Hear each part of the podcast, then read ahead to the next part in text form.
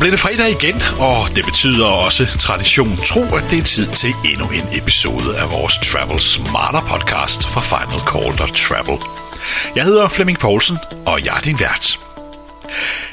Denne episode af podcasten, den har vi dedikeret som en øh, slags portræt øh, og en øh, hyldest, kan man vel også sige, til flyet Boeing 747. I morgen, lørdag den 9. februar, ja, der er det nemlig præcist 50 år siden, at flyet lettede første gang på sin første testflyvning fra Everett i ved Seattle. Og der er ingen tvivl om, at luftens dronning, Queen of the Skies, Jumbojetten, som er nogle af de navne flyet øh, har fået igennem tiden, er et specielt fly. Det har været med til at danne grundlaget for meget øh, af den udvikling, der er sket inden for øh, luftfarten, øh, blandt andet med at udvikle whitebody-fly og, og en masse andet teknologisk. Men dengang, der var det noget helt specielt. Det var et fly, som ingen havde set noget lignende før. Dengang var det helt normalt, at man brugte øh, Boeing 707, altså mindre fly, som svarer til 737'erne, vi kender i dag, øh, på Atlantflyvningerne også, og der var mange mellemlandinger, og flytrafik dengang var nærmest som busruter, der landede mange gange undervejs på de øh, destinationer, der lå meget fjernt. Og med 747'eren fik man andre muligheder.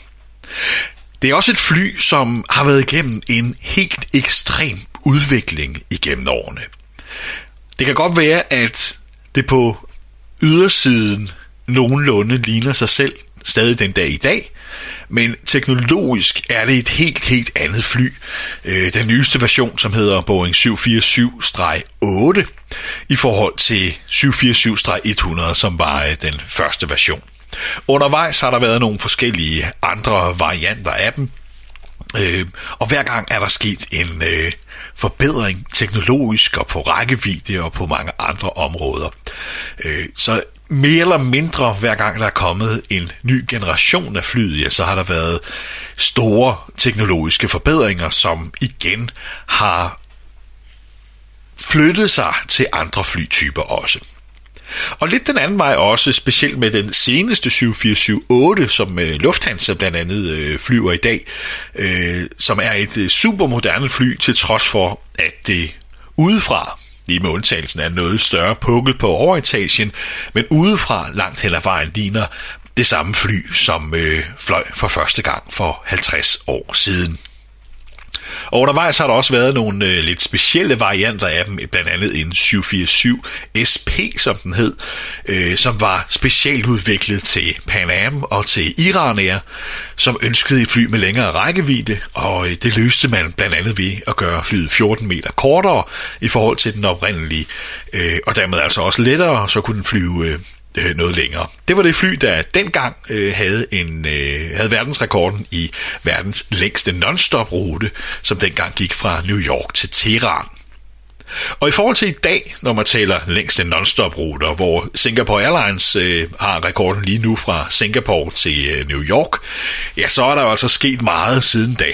Men vi skal huske på, det er mange år siden det her, og det var virkelig revolutionerende dengang. Og for at høre lidt om historien på flyet. For det var et fly, som SAS også havde i flåden i 70'erne og 80'erne.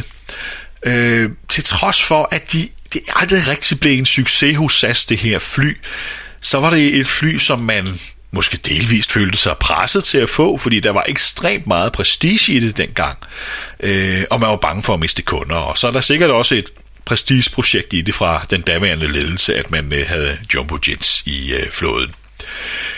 Og i den forbindelse, og for at høre lidt om flyet, ja, så har vi øh, talt med en øh, SAS-mekaniker, der har arbejdet på det her fly, og set det, dengang SAS startede med at få dem leveret i starten af 70'erne, og så senere fik han job i SAS og fik øh, lov at arbejde på de her fly. Øh, og ham har vi talt lidt med om, øh, hvordan det var dengang med det her ikoniske fly.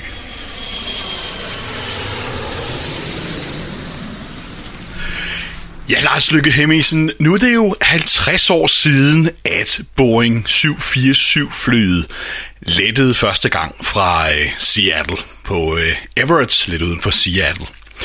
Og du har jo arbejdet på det her fly, og øh, helt tilbage i 70'erne også, da SAS havde det i flåden.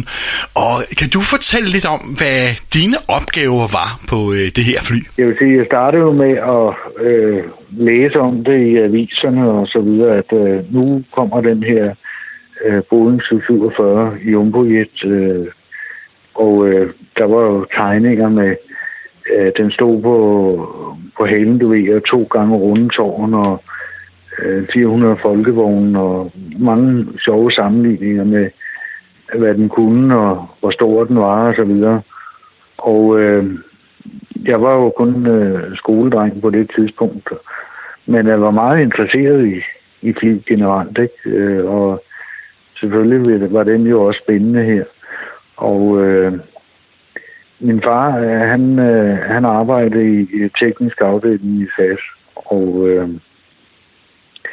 SAS øh, bestilte i første omgang to styk 747. Det, det var ligesom om, at øh, øh, de, de vil gerne være med i det der og race der, og så ligesom øh, øh, have øh, et flagskib der, et nyt flagskib, ikke?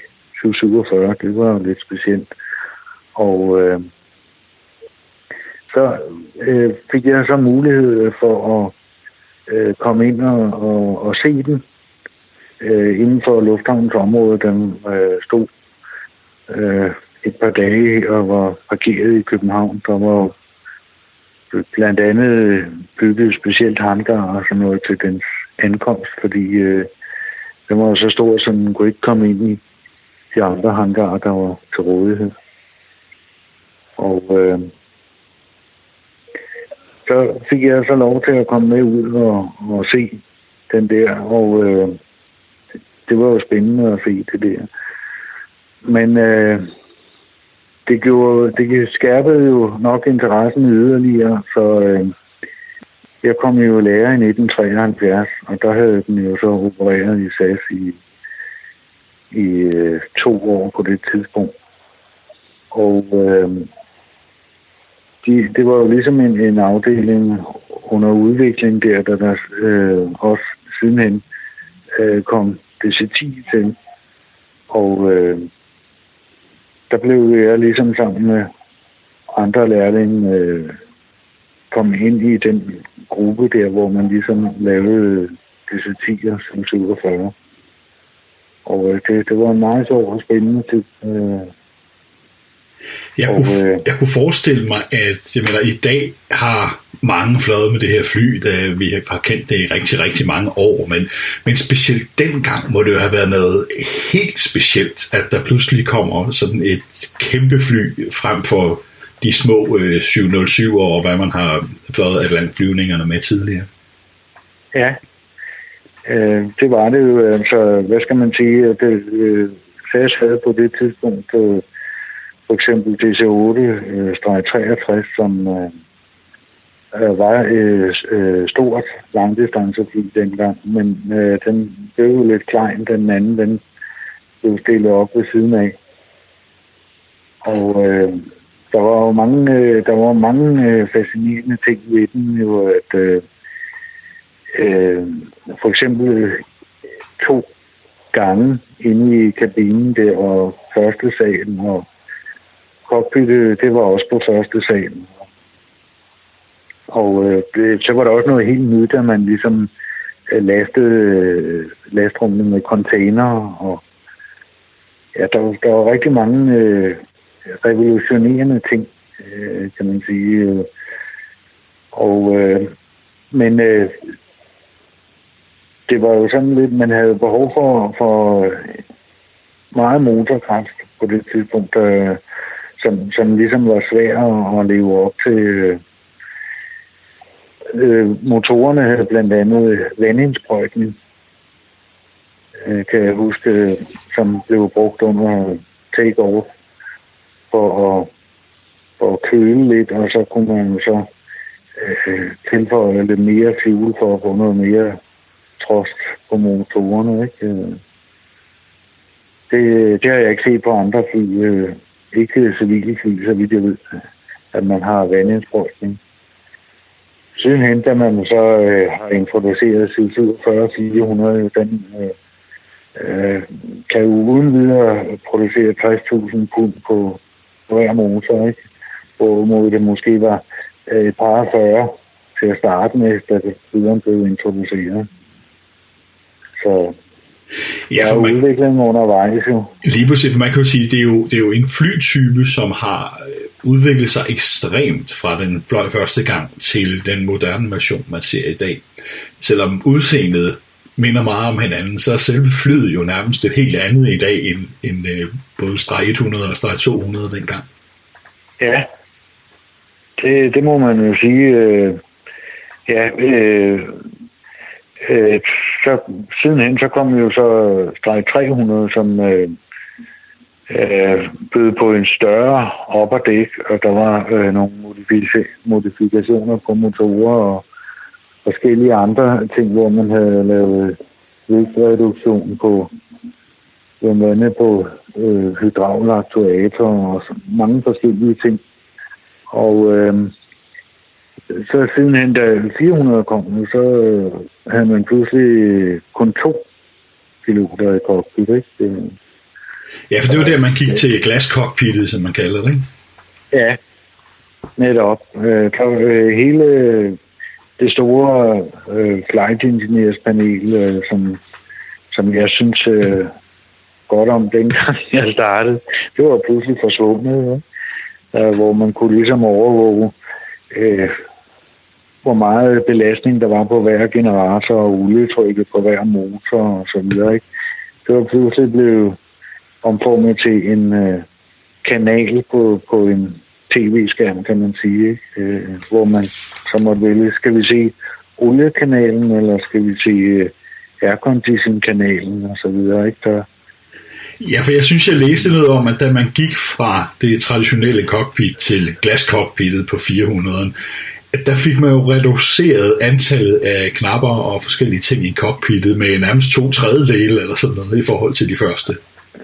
Det øh, lyder meget sandsynligt jo, fordi øh, alle de kontrol øh, switch og ting og sager, der var på Flight, flight Engineers panel, det øh, forsvandt jo, og øh, blev meget blevet styret automatisk, ikke? og øh, øh, ligesom kom først op i form af et billede på, på en skærm, når, øh, når der var noget, der var usædvanligt.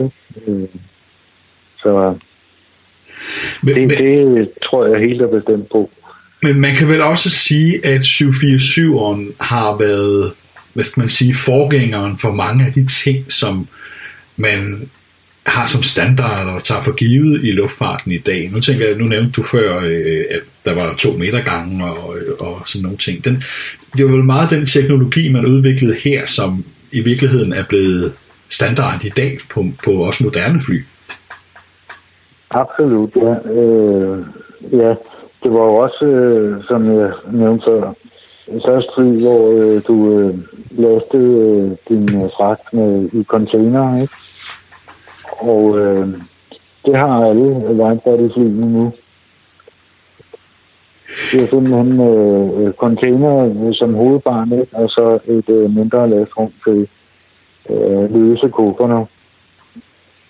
Men øh, man ser også, at øh, almindelige øh, øh container til lastrummet bliver fyldt med kufferter, og så øh, bliver løftet i, i, i de større lastrum, hvor containerne kan være.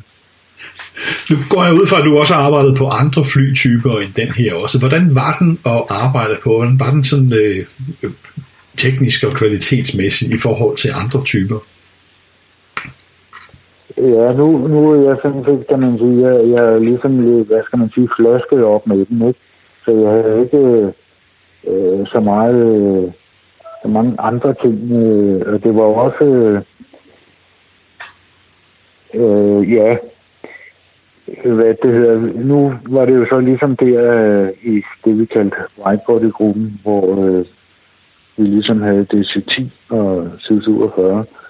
Og øh, der, der var den altså lidt større og lidt tungere at have med at gøre end for eksempel DC-10. Det var øh, for eksempel så på versionen, som sagde for, hvis man øh, efter at have haft åbnet øh, understilsdøre for altså vedligehold, der var man så nødt til at starte lige så ABU for at få lukket dørene igen, ikke? Med det støj, der lavede det gav, ikke? Øh, øh sammenligning med, hvor man på DC-10 bare kunne starte med elektrisk bedagpumpe. Ikke? Der, der var sådan nogle forskellige ting, som gjorde det. Det var lidt øh, tungere og lidt sværere at have med at gøre. Ikke? Men det var også større jo. Ja, det er klart. Det for, for man kan sige, at dengang var DC-10'eren jo Douglas' forsøg på, og selvom det ikke er helt i samme kaliber og helt størrelse, men Douglas-fabrikkernes forsøg på at konkurrere med på, på whitebody-markedet. Ja, man kan jo så sige, at den øh, øh, udfyldte så ligesom et, øh, et øh, rum mellem øh, C47 og, og måske DC8, ikke? Og måske lidt senere, hvor E300 blev introduceret, så lå den jo sådan til det mellem, kan man sige. Ja, for man kan sige, at den var ikke så stor, men øh, den var så også billigere i drift, øh, også i kraft af, at der, der kun er tre motorer på, og, og den er mindre og så videre end, end 747, fordi det er jo dengang var det, jo, var det jo standard, at man helst havde i hvert fald øh, tre, men helst fire motorer på langruteflyene, der skulle krydse Atlanten. Ja.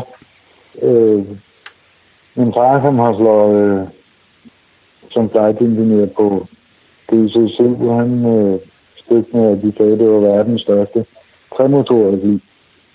Fordi at øh, det var ofte, at man øh, måtte øh, reducere øh, øh poweren på en motor, eller at man måtte stoppe en motor eller noget, fordi pålideligheden på de gamle stabilmotorer var ikke nær øh, den øh, kvalitet eller performance, som vi ser i dag. Nej, der kan man sige, der, der er sket meget der, og det er jo også derfor, man, man øh, blandt andet taler om det der med four engines for long haul, som jeg tror, det var Virgin, der markedsførte sig på det på et tidspunkt. Øh. Ja, Jamen det, ja, det er det faktisk, ja. Hvor det i dag mere eller mindre er standard, at man går ned på to motorer. Ja, det er det. Øh, og øh, det, øh, jamen altså, øh, motorer, de holder jo flere år.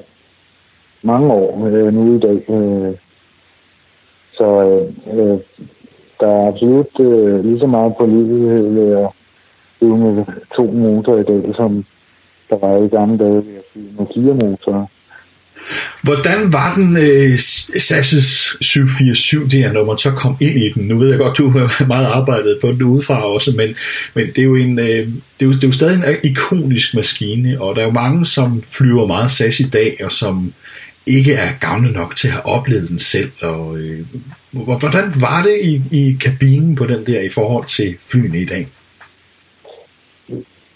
Jamen, øh, øh igen var den jo revolutionerende fra, fra dag 1. Altså, i og med, at det var så bred kabinen, det var, så øh, hattehylderne ovenover og så videre, det var jo... Øh, det var jo sådan, så at man kunne ikke øh, nå, øh, uden at skulle rejse sig op, hvis man skulle have tændt læselys og sådan noget. Så der var jo også noget nyt der, og der var øh, introduceret multiplex-systemer, som kunne øh, tænde for, for øh, lys, og man kunne lave øh, kald på øh, kabinebesætninger ved et tryk på en knap i armlægene og så videre. Ikke? Det var jo revolutionerende i sig selv at have øh, så meget luft omkring sig også i forhold til, øh, hvad skal man sige, andre fly, hvor man ligesom måtte øh, bruge så meget for at komme ind og flyde ned. Ikke? Øh, Ja, så er der jo den, den savn omspundne øh, første sal, som øh, jo er noget andet, end man ser i dag, hvor det handler om at presse flest mulige sæder ind i et fly. Og dengang, der valgte man så at lave en lounge ovenpå. Det er rigtigt. I første der var, til at starte med i hvert fald, var der en lounge øh, med, øh, jeg tror, der var bare en seks sæder og, og nogle mindre spore imellem, sådan, som man, øh, de der øh, sæder, som var, øh, de kunne drejes, øh, sådan så øh, de kunne, man kunne sidde over for hinanden med et bord imellem her. Men øh, jeg tror kun, der var en øh, øh seks stole op ovenpå, og så ligesom et, måske et par to personers øh, sofaer henne for inden, men det var ligesom en, øh, et, øh, et øh, afslappningsrum, hvor øh, besætningen kunne, kunne hvile sig. Ja, for den version det blev ikke solgt som billetter øh, i, i første. Det blev ikke solgt som passagersæder i første omgang i hvert fald. Nej, for den version SAS havde af streg 200'eren, det var den med den lille overetage. Der kom senere hen nogle andre versioner, også af 200'eren, der havde en større overetage. Ja, det er rigtigt, ja. Hvor man så pressede lidt, lidt flere sæder ind deroppe, blandt andet også senere. Ja, øh, SAS øh, har kun haft øh, streg 200 udgaven, det vil sige den med den øh, øh fødte eller den introducerede øh, korte kode. Men øh, øh, da, man, øh, da vi fik øh, fly nummer 747 nummer 3, der var der øh, gjort plads til, der kunne sidde en, ja, øh, i hvert fald en 30 måske passagerer op ovenpå, eller noget i den stil. Ja, for jeg tror, man gik fra, at der var tre vinduesrækker til, at der var 10 på den forlængede ja. version, mener jeg. Og øh, det var sådan, så der var, øh, der var ikke to øh, gange oppe ovenpå. Der var en gang i midten, og så tror jeg, der var tre sæder på hver side af gangen. Ikke? Øh, og øh, der var måske en, ja, jeg husker det ikke, otte rækker måske, eller sådan noget. Så måske en op mod, øh, ja, jeg vil sige et eller andet sted mellem øh, 30 og 50 passagerer, kunne der måske være deroppe. Og så var der også en lidt speciel udgave af. Nu husker jeg ikke lige på stående fod her, men jeg mener faktisk, havde SAS ikke en, en kombi-udgave også af den? Hvor man havde fragt i den bagerste del af kabinen. Jo, det er rigtigt, men øh, de to første 747, som SAS havde, de var med, med den lounge øh, baseret op og dæk. Og øh, så da de øh, en overrække senere bestilte øh, to mere, så den ene af dem, det var, eller det var vist begge to, de havde, øh, det var lavet som et, et kombifly, hvor øh, øh, arealet efter bagkanten af vingen, det var øh, et fuldt øh, ud øh, kargorum, som øh, de endda lavede om på øh, og lavede øh, til 6 palletter om sommeren og 12 palletter om vinteren, tror jeg det var. For at øh, ligesom øh, øge kargokapaciteten, når der var behov for det. Ja, det er jo lidt specielt. Jeg kan huske, at jeg har engang fløjet den med KLM, som var nogle af de sidste, der havde den version her. Det er sådan lidt en speciel fornemmelse at komme ind i så stort et fly, og så bliver man alligevel sådan lidt overrasket over, at hov, er den ikke længere, når man står i passagerkabinen. Ja, der passagerkabinen sluttede lige øh, bag ved vingebagkanten der, så... Og så kunne man jo så øh, gå ind i, i, i det øh, store lastrum der bagved. Og der var jo så en øh, meget stor øh, cargo der i, i venstre side af flyet. Som men, øh, men, containerne blev lastet igennem jo. Men man kan sige, for SAS passede det vel meget godt, fordi så vidt man sådan har kunne læse af historien og så videre, så har det altid været et lidt for stort fly til SAS, men så er det jo en, en ganske fremragende måde at udnytte den vægt, man kan medbringe ved at tage nogle paller med, frem for at flyve med tomme passagersæder? Ja, øh, de, de fløj en del biler, kan jeg huske øh, på et tidspunkt, øh, øh, hvor vi også øh, indimellem store øh, savle, de havde bygget nogle øh, toetagers øh, paletter, hvor der kunne være øh, to biler oven på hinanden. Øh, der var blandt andet så flere gange nogle eksklusive biler, Lamborghini Countach og sådan en ting, der blev fløjet til Los Angeles. Øh. Så kunne man stå og drømme lidt om sådan en også. ja, så får man det bedste fra både øh, flybranchen og fra bilbranchen øh, samlet et sted. Ja, ja, det kan man sige.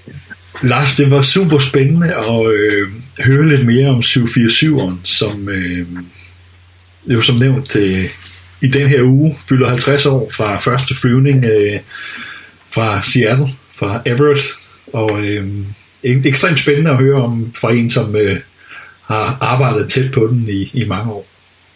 Ja, jo, men øh, det var da hyggeligt.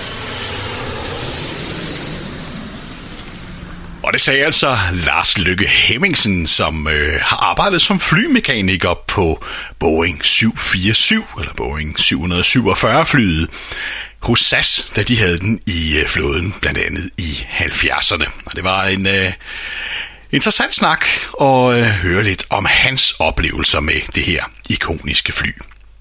Og det er altså i morgen, den 9. februar, at det er 50 år siden, at luftens dronning, eller Queen of the Skies, eller Jumbojetten, som øh, flyet også er blevet kaldt, lettede fra første gang fra Everett flypladsen uden for Seattle på Boeing-fabrikkernes øh, øh lufthavn der. Og som øh, vi har været inde på øh, flere gange i den her udsendelse, så er det altså et fly, som har øh, gjort et stort indtryk på rigtig mange mennesker verden over, men så sandeligt også sat et stort fodaftryk i luftfarten. Meget af teknologien på øh, det her fly øh, er jo brugt videre i øh, andre flytyper efterfølgende, så det er et øh, vigtigt fly for hele luftfartshistorien.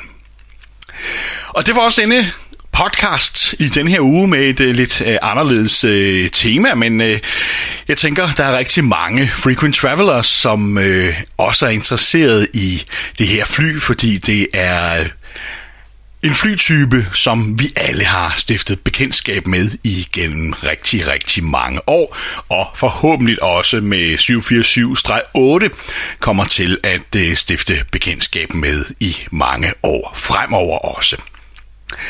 Her til slut vil jeg gerne sige uh, tak til uh, Lars Lykke Hemmingsen for at deltage i podcasten. Og så vil jeg øh, opfordre dig til at øh, dele podcasten. Tryk like på vores øh, opslag på Facebook.